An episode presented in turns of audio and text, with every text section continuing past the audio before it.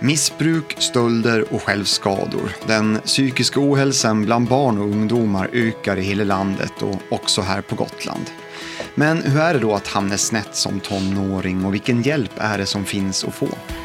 I dagens podcast så möter du 25-årige Julia Granvald som lyckats ta sig ur en minst sagt tuff uppväxt. I studion har vi också Shanti Gustafsson från Familjefokus ungdomsgruppen. Välkomna ska ni vara till programmet I verkligheten, en podcast från socialförvaltningen. Och välkomna naturligtvis också till dagens gäster. Julia, jag tänkte att vi skulle börja med det lite grann. Ehm, skulle inte du bara kunna beskriva dig själv som 14-åring? Hur, hur var du då? Jag var eh, väldigt arg, väldigt eh, ledsen, besviken på eh, alltså människor, vuxna människor runt om mig. Eh, kände inte att jag blev sedd eller hörd eller eh, att jag fick hjälp eh, med det jag ville ha hjälp med. Eh, men jag var också väldigt framåt och väldigt social, hade mycket kompisar och eh, umgicks mycket med folk. Liksom. Och, och utåt sett så kanske det, jag såg ut att vara en glad tjej och liksom så, eftersom att jag var väldigt social och så. Men mina känslor var liksom eh, arg och besviken och ledsen. Och vad innebar, de här känslorna, för vad, vad innebar de i ditt agerande? Vad gjorde du för, för, för grejer för att få utlopp för dem? Eh, alltså jag umgicks mycket med äldre människor. Eh, människor som hade lite mer status i samhället kanske, som folk visste vilka de var. Eh, gjorde mycket dumt. Eh, snattade väldigt mycket, skolkade från skolan, drack mycket alkohol. Eh, var ute sent och lyssnade nog inte så väldigt mycket på mina föräldrar och andra vuxna runt omkring som försökte säga till mig. Men eh, väldigt destruktivt eh, beteende. Vi ska prata mer om eh, varför det blev så här, för det finns ju naturligtvis en historia bakom. Men eh, Shanti först bara, när du hör Julias berättelse, så där, hur, hur väl stämmer hon in på de ungdomarna som ni möter när ni är ute i er verksamhet? Ja, rätt ordentligt väl kan man väl säga. Eh, och, och Julia är ju en eh, ungdom som söker, men jag tänker att eh, alltså, det där du säger Julia med att det är viktigt att man blir hörd och att man blir sedd.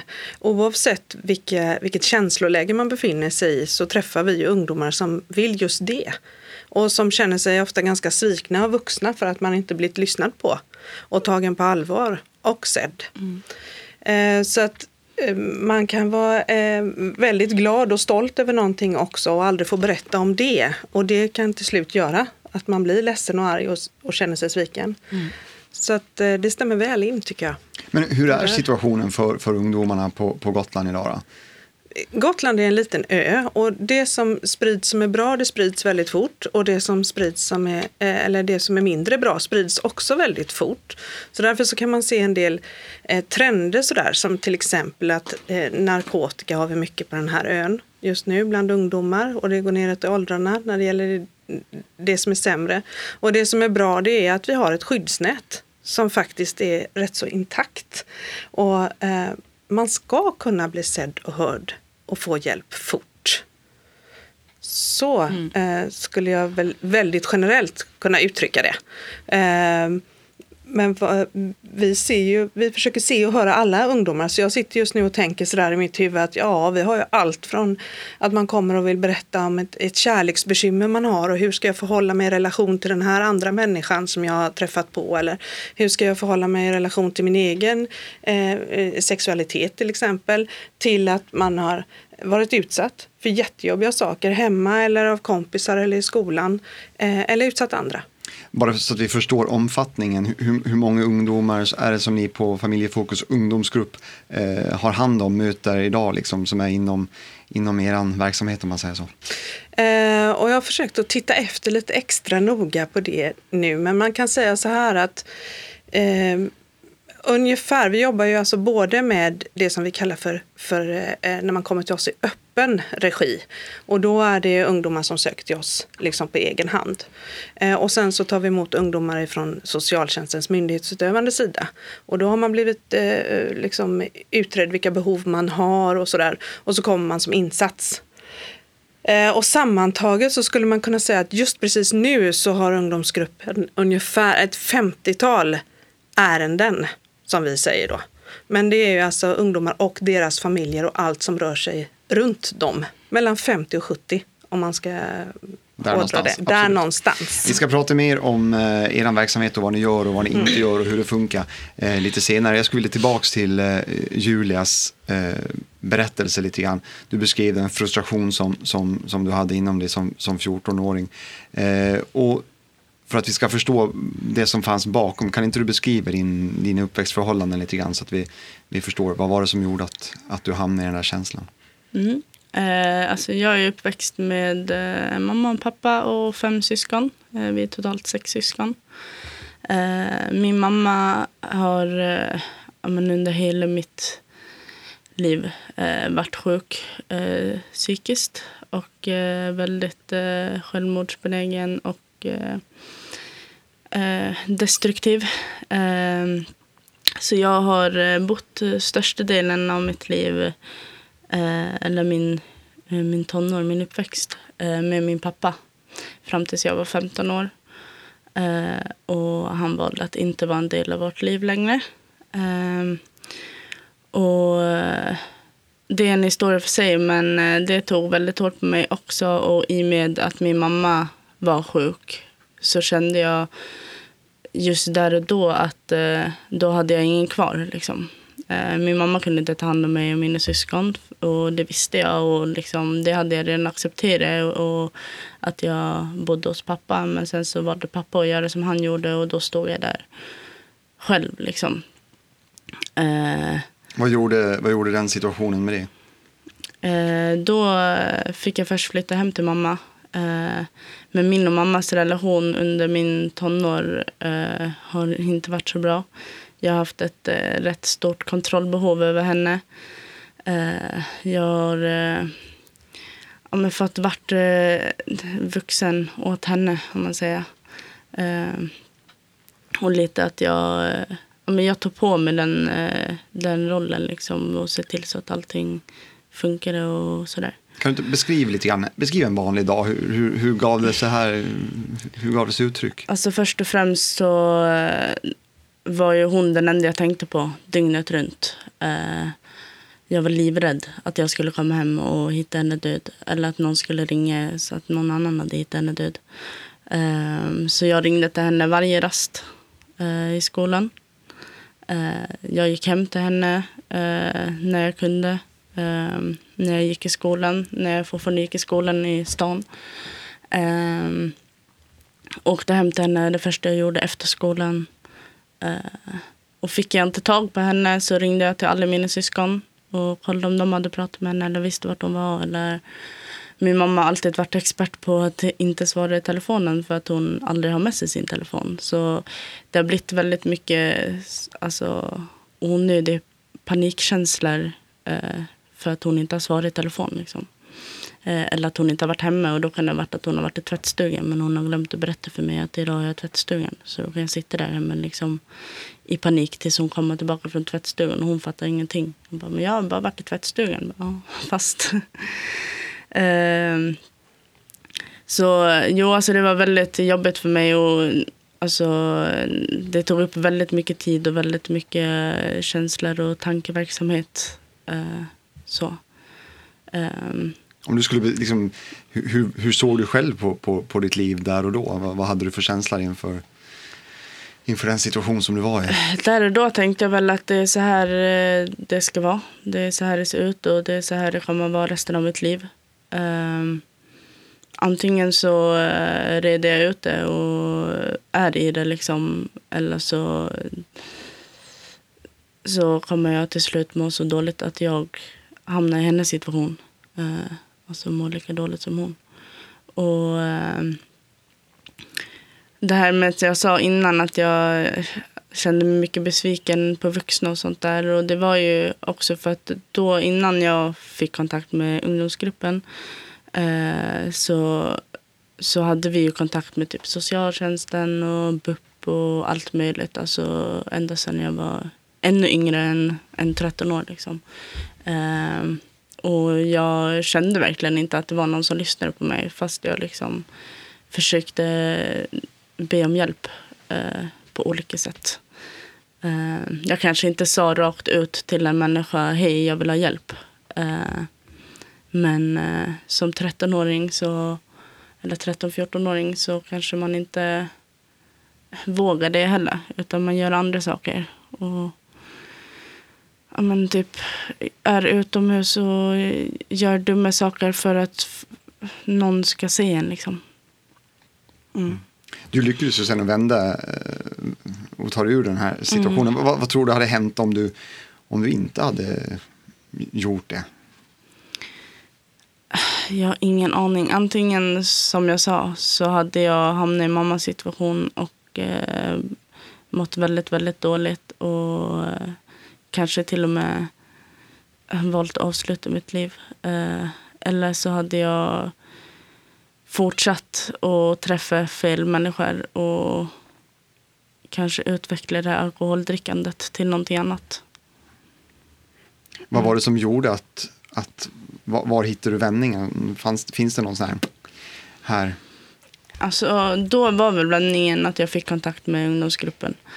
Eh, att jag eh, för första gången kände verkligen att eh, en människa såg mig och genuint ville liksom hjälpa mig och brydde sig om mig på riktigt. Inte för att den personen var tvungen eller att det var eh, som jag kände gentemot då mot socialtjänsten att det var liksom ja men vi sitter här för att min mamma är sjuk och ni måste ta er an mig typ. Utan där var det mer liksom att att eh, vi är här för din skull och vad vill du ha hjälp med och vad, vad kan vi göra för dig? Eh, inte så mycket liksom formellt att de måste göra det här och det här och det här för att det står i något papper eller lagar. Utan det var mer, det var mer fritt och det var mer att eh, också att jag kände att jag kunde liksom komma och gå lite som jag ville. Vi kan, vi kan höra med, med Shanti, för du, hur, vad, vad, tänker du när du hör det här vändningen kom när, när, när Julia fick Jag sitter ju bara här och nickar. Mm. jag tänker att det är precis det som, blir, som är är fokuset för ungdomsgruppen. Det är att se ungdomar, för vi vet att systemet finns där och vi vet att man säkert behöver hjälp. Alltså det är det här vi ser när vi är ute på fältet till exempel. Eh, som du beskriver, att ja, man gick kanske inte och berättade för någon att ja, jag behöver hjälp. Men däremot att om vi hängde ute Mm. och fick syn på dig mm. så kunde vi prata lite extra med dig och se mm. dig där du var ute och gjorde mm. de där sakerna. Och att det är det som eh, blir det är det som är viktigast och det är också det vi ser får liksom gensvar. Så. Mm. Och att det där som är viktigt för ungdomen, att ha ett sånt supertydligt ungdomsfokus, det är det som blir viktigt för oss. Mm. Kan inte du beskriva ert uppdrag bara så vi förstår det? Liksom, mm. vad, vad, är... Alltså det är ju att möta eh, ungdomar och deras föräldrar. Eh, och sen är vi ju nu i en organisation där det finns både en barngrupp och en ungdomsgrupp. Eh, så Familjefokus barngrupp möter eh, barn alltså från 0 upp till 12 år och deras familjer. Och ungdomsgruppen möter 13 till 21 år och deras familjer. Och sen är vårt uppdrag att förebygga psykisk ohälsa givetvis, eftersom precis som du sa, eh, det är ett växande bekymmer. Men att också jobba förebyggande såklart, när det, dål, när det fortfarande är ett dåligt mående. Och när du säger att ni möter ungdomar och deras familjer, då låter det lite grann som att ni har någon form av samtal. Hur funkar det praktiskt? Ja, det är hur, hur man träffar oss, det bestämmer man liksom lite själv. Du sa det Julia, du, man kan eh, komma och gå lite som man vill mm. när man väl har fått förtroende. Sådär. Men det handlar först och främst om samtal skulle jag säga. Men sen kan det ju vara allt ifrån eh, praktisk hjälp kring regler och rutiner till eh, samtal om kommunikation och relationsskapande eller eh, behöver vi hjälpa till att samordna möten här nu med skola eller du sa man har många kontakter ibland. Det är mm. BUP och socialtjänst och eh, mm. man orkar inte med allt. Eh, man men så, åt. det vet ju jag att jag fick ju mycket hjälp med. I och med att min mamma var sjuk och min pappa försvann så, så var det ju min kontakt, får jag säga hennes namn? Du får säga hennes Det får du göra helt okej. Ansi som jag hade på ungdomsgruppen. Eh, alltså det var ju hon som följde med mig på det mesta. Både till skolan, till eh, socialen, till eh, BUP, till... Eh, alltså hon hjälpte mig när jag alltså fick mitt eget boende, eller första egna boende som jag fick också när jag var väldigt ung, när jag var 15, skulle fylla 16. Det är liksom hon som har lärt mig typ hur man tvättar och hur man städar och att det var viktigt att ha ett ICA-kort och, och sånt där. Liksom. Hon eh, blev ju liksom min eh, alltså viktiga person eller den viktiga vuxna som jag hade i mitt liv. Eller som jag behövde i mitt liv. Eh, så, så det var ju inte bara att jag hade samtal eller att jag sprang och gömde mig bakom en buske när de kom på, på stan. Utan det var ju mycket mer än så. Och det var ju det jag behövde, liksom. Att, att eh, en annan människa, som jag sa, att hon genuint ville hjälpa mig och ville liksom la ner tid.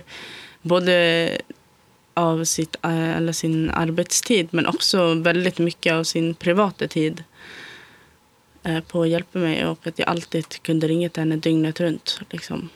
Om du tänker tillbaka på den tiden vad, vad, och, och skulle försöka beskriva vad, vad har ungdomsgruppens insats, vad har den betytt för dig?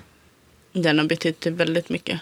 Eh, eh, även idag så kan jag tänka på det. Och som du sa, liksom, vart hade jag varit om, om inte någon hade klivit in i mitt liv vid den tidpunkten. Liksom.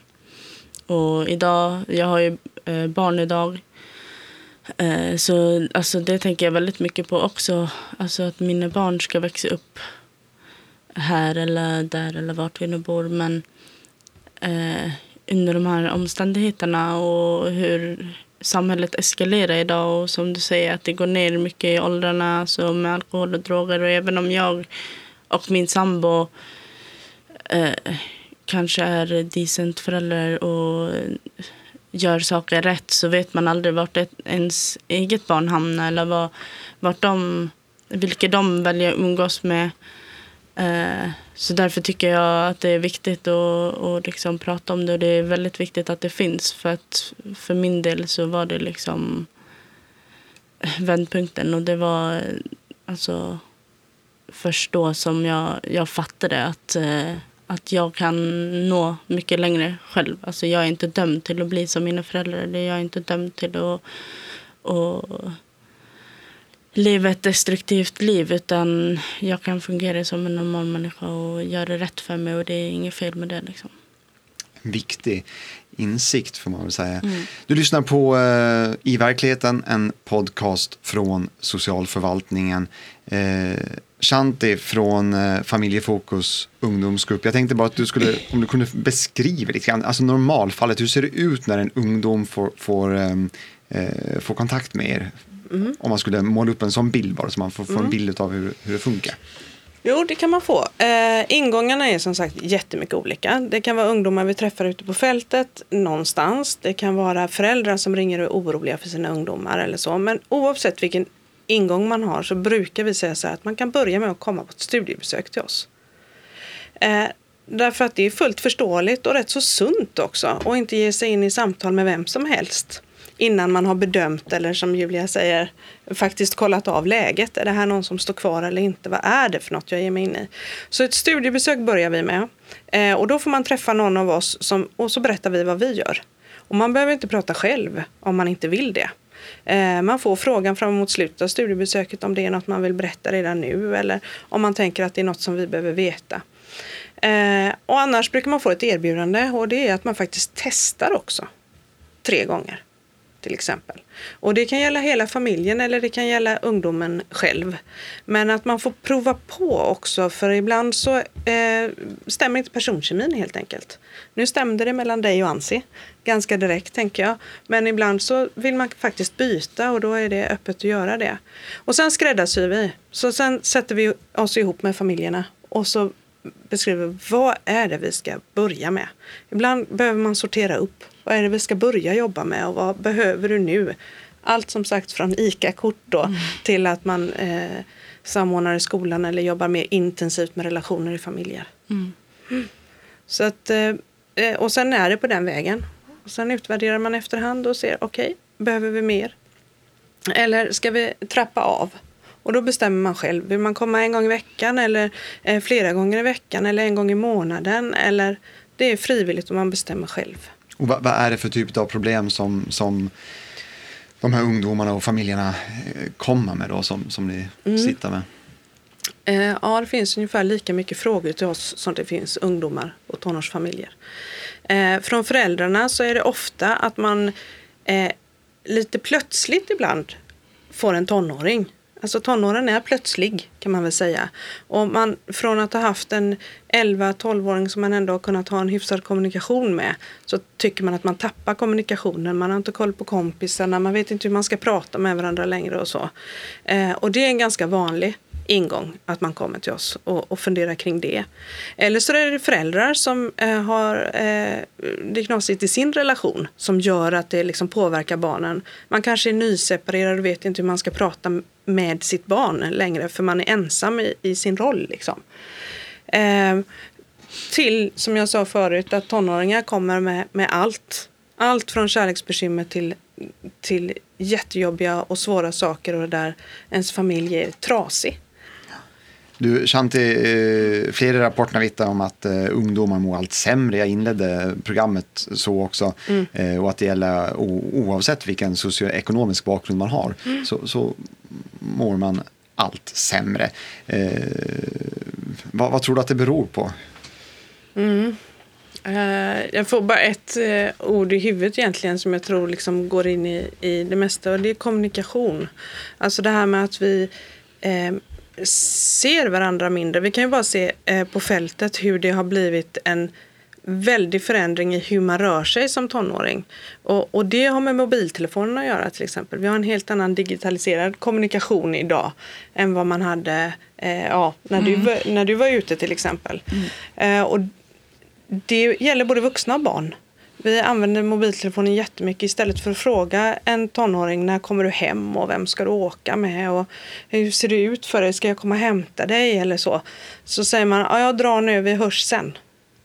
Eh, och det är omöjligt egentligen att på en mobiltelefon höra hur någon mår eller se i vilket sammanhang man befinner sig. Eh, och det tror jag gäller lite allt möjligt med, med kommunikation oavsett om det är hemma med sina föräldrar eller med sina kompisar eller med eh, det där att bli sedd och hörd. Mm. Det handlar om att kommunicera med varandra, mm. prata, ses eh, och så. Och det är så oerhört viktigt och jag tror att vi ser och hör våra barn och ungdomar. Vi ser och hör varandra mindre idag. Hur orolig ska man vara för situationen? Eh, jag tycker att man ska sätta åtminstone ett utropstecken efter den situationen. Så att det inte utvecklas till att vi har ett samhälle där vi inte ser och hör varandra. Mm. Och där det är många som känner så fast att det finns goda förutsättningar att se och höra varandra. Mm. Mm. Tillbaks till dig då Julia. Eh, vi har hört du har berättat om en, om en stökig, svår eh, uppväxt. Hur mår du idag?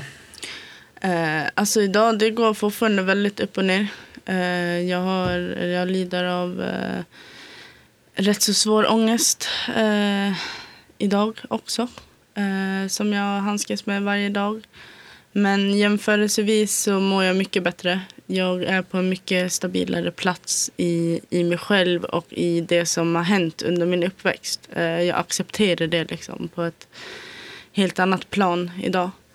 Eh, och som jag nämnde innan, jag har två barn och en sambo, ett hus och en bil. och liksom Livet utåt sett ser väldigt bra ut och jag ser rätt ljust på framtiden. Trodde du som 14-åring att du skulle hamna i den här situationen? Att du skulle kunna sitta här Nej. Eh, i en studio och säga att jag är tvåbarnsmamma och hus Nej, och? Nej, verkligen inte. Det hade jag nog inte ens trott för fyra år sedan. Men, eh, nej, men jag är väldigt glad över att mitt liv ser ut som det gör idag och att jag eh, men, har hittat rätt personer att ha runt mig och jag har lärt mig eh, vilka personer som är viktiga och vad, eller vad som är viktigt i livet och fokusera på och vad, hur livet eh, ska vara. Liksom. Vad, Att, vad tänker du kring din egen eh, mammaroll om man säger så? Alltså det tänker jag på varje dag. Alltså jag är, som jag sa, jag är livrädd att, eh, att eh, mina barn ska hamna snett. Eller att de... Eh, men i och med mitt mående och min ångest och så, att, att de ska, ska se på mig som jag gjorde på min mamma då. Eh, jag vill inte att de ska behöva se mig ledsen eller se mig må dåligt för jag vet hur, hur mycket det påverkar. Liksom. Eh, så det krigar jag med varje dag. Och jag tror att jag är rätt duktig på att, att hålla det för mig själv. Men, men det är svårt ibland, absolut. Och jag är absolut inte färdig. Eh, och det tror jag heller att man aldrig blir. Om man har, en, eh, eller har haft en svår uppväxt. Eh, utan det handlar bara om balans och acceptans. Och acceptera att det som var, det var. Och det var ingenting jag kunde påverka då. Det är ingenting jag kan påverka idag. Utan eh, bara liksom leva för min egen lilla familj liksom, och göra det bästa jag kan för att det ska bli så bra som möjligt. Klokord. Hur ser, hur ser din relation ut med, med din egen mamma idag? Alltså idag har vi en eh, bra relation. Eh, och som jag sa, jag accepterar att hon är sjuk och jag accepterar att hon eh, går upp och ner i sitt mående än idag och sådär. Och, och hon är världens bästa mormor till mina barnbarn så det är väldigt viktigt för mig att ha en, eh, en stabil och bra relation med henne. Absolut. Man kan fundera lite grann. Nu har du valt att vara öppen med att du mår dåligt och med din uppväxt och sådär och, och vad den har gjort eh, med dig. Eh, va, va, varför väljer man att berätta? Vad är anledningen till att du sitter här idag? För att jag vet att det gör skillnad. Eh, för att jag vet eh, vilken skillnad det har gjort för mig som jag berättade om att, att eh, många på Familjefokus ungdomsgrupp har, har egna erfarenheter och att det väger väldigt mycket mer än det professionella. Även om det professionella absolut är bra också och kan behövas i, i många sammanhang. Men, men för en, eller, ur mitt perspektiv för en 13-14-åring om det hade stått en människa framför mig med ungefär liknande erfarenheter som jag eller en människa som säger att jag är utbildad psykolog, jag jobbar så här och så här många år, jag vet eh, hur jag ska bota dig. Så hade jag vänt mig till den personen som, som har egna erfarenheter. Och, för det blir ett helt annat samtal, det blir en helt annan förståelse till varandra. Och jag vet inte, men det är därför jag väljer i alla fall att, att vara öppen och ärlig. Och jag har alltid varit det, för jag jag har haft mycket känslor att jag skäms och, alltså, under min tonår och så. Att det har varit tabu och att min, att min mamma har varit sjuk och sådär. Jag har haft många kompisar som liksom inte haft någon aning. Eh, för att min mamma är psykiskt sjuk. Det syns inte på henne. Eh, och hon liksom kan fungera som en normal människa och som en mamma när det kommer hem folk och kompisar och sånt där. Eh, så jag har har skämts över det väldigt mycket. Men idag så tänker jag bara att om jag fortsätter skämmas så kommer tusentals eh, andra ungdomar också fortsätta skämmas. Och det är ingenting att skämmas över hur ens föräldrar är eller hur ens uppväxt är. För att det är ingenting som ungdomen väljer eller det är ingenting som den kanske heller kan påverka utan det är bara att fortsätta blicka framåt och kriga på liksom. Det är det viktigaste. Mm. Klok ord. Ja, det är makalöst. Eh, vad klok du är. Tack. Mm.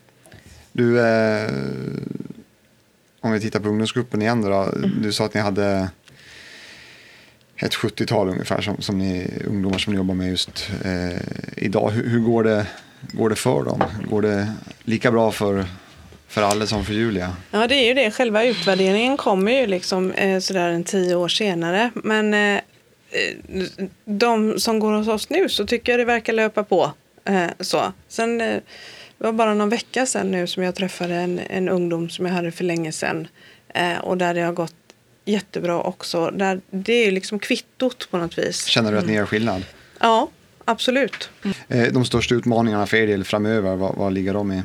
Eh, de ligger i att bibehålla det här ungdomsfokuset och att, eh, att komma in så tidigt som möjligt, tror jag. Det börjar bli dags för oss att eh, avrunda det här samtalet. Jag tänkte bara avsluta med att om, om ja, egentligen en fråga till er båda, men, men, men Julia kanske primärt ett råd till ungdomar som mm. befinner sig i samma situation som, som du gjorde när du, var, när du växte upp, 13-14 där någonstans. Eh, vad skulle det vara från din sida? Ta hjälp. Och aldrig skämmas. Aldrig någonsin skämmas. Och våga prata, våga liksom men, ta hjälp bara. Alltså, ta emot det som erbjuds och vara öppen. Och om det skiter sig, om det är så att du stöter på en människa som du inte klickar med eller en, någon som du bara tycker att de, de gör bara det de måste.